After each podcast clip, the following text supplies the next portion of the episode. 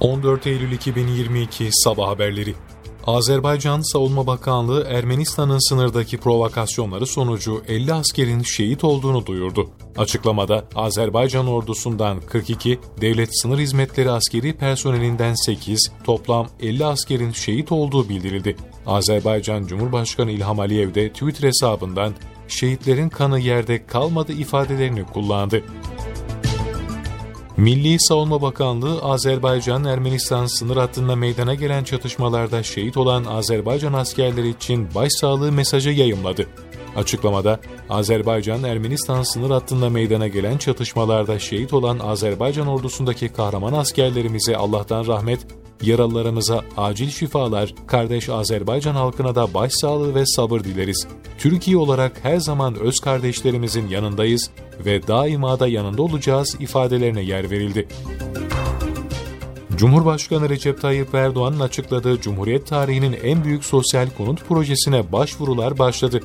Bankalar aracılığıyla yapılacak başvurular 14 Eylül 31 Ekim 2022 tarihleri arasında kabul edilecek. E-Devlet başvuruları ise 28 Ekim'de sona erecek.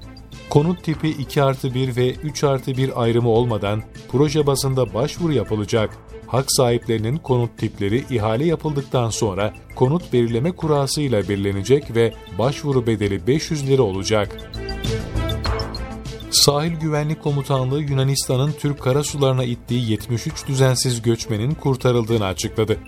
İkisi bebek, üçü çocuk, altı düzensiz göçmenin cansız bedenine ulaşıldı. İkisi bebek, üçü yetişkin, beş kişi ise kayıp aranıyor. Olayda kurtarılan 73 düzensiz göçmenle hayatını kaybedenlerin cenazeleri Marmaris'e getirildi. İstanbul Büyükşehir Belediyesi Meclisi'nde İSKİ'nin su fiyatlarına %40.38 oranında zam yapıldı.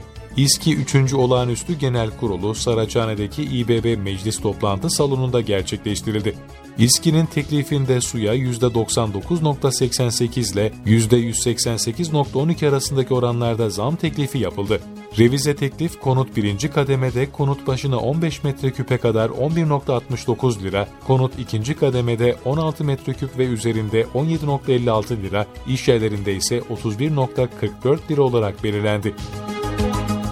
Sırbistan'da düzenlenen Dünya Güreş Şampiyonası'nda milli sporcu Rıza Kayal, Greco-Romen stil 130 kiloda altın madalyanın sahibi oldu. Rıza Kayal 5. kez dünya şampiyonluğu yaşayan ilk Türk güreşçi olarak tarihe geçti. Milli sporcu daha önce 2011, 2015, 2017 ve 2019'da dünya şampiyonluğuna ulaşmıştı. 11 kez de en fazla Avrupa şampiyonluğu elde eden Türk güreşçi unvanının da sahip olan Rıza'nın kariyerinde ayrıca bir gümüş ve iki bronz olimpiyat madalyası bulunuyor.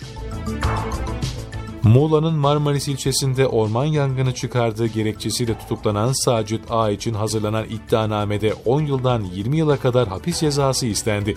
Muğla Cumhuriyet Başsavcılığınca hazırlanan iddianame Muğla 3. Ağır Ceza Mahkemesi'nce kabul edildi. İddianamede 110 Taksim 4 maddesi gereği 20 bin güne kadar adli para cezası istenen iddianamede 10 yıldan 20 yıla kadar hapis cezası istendi.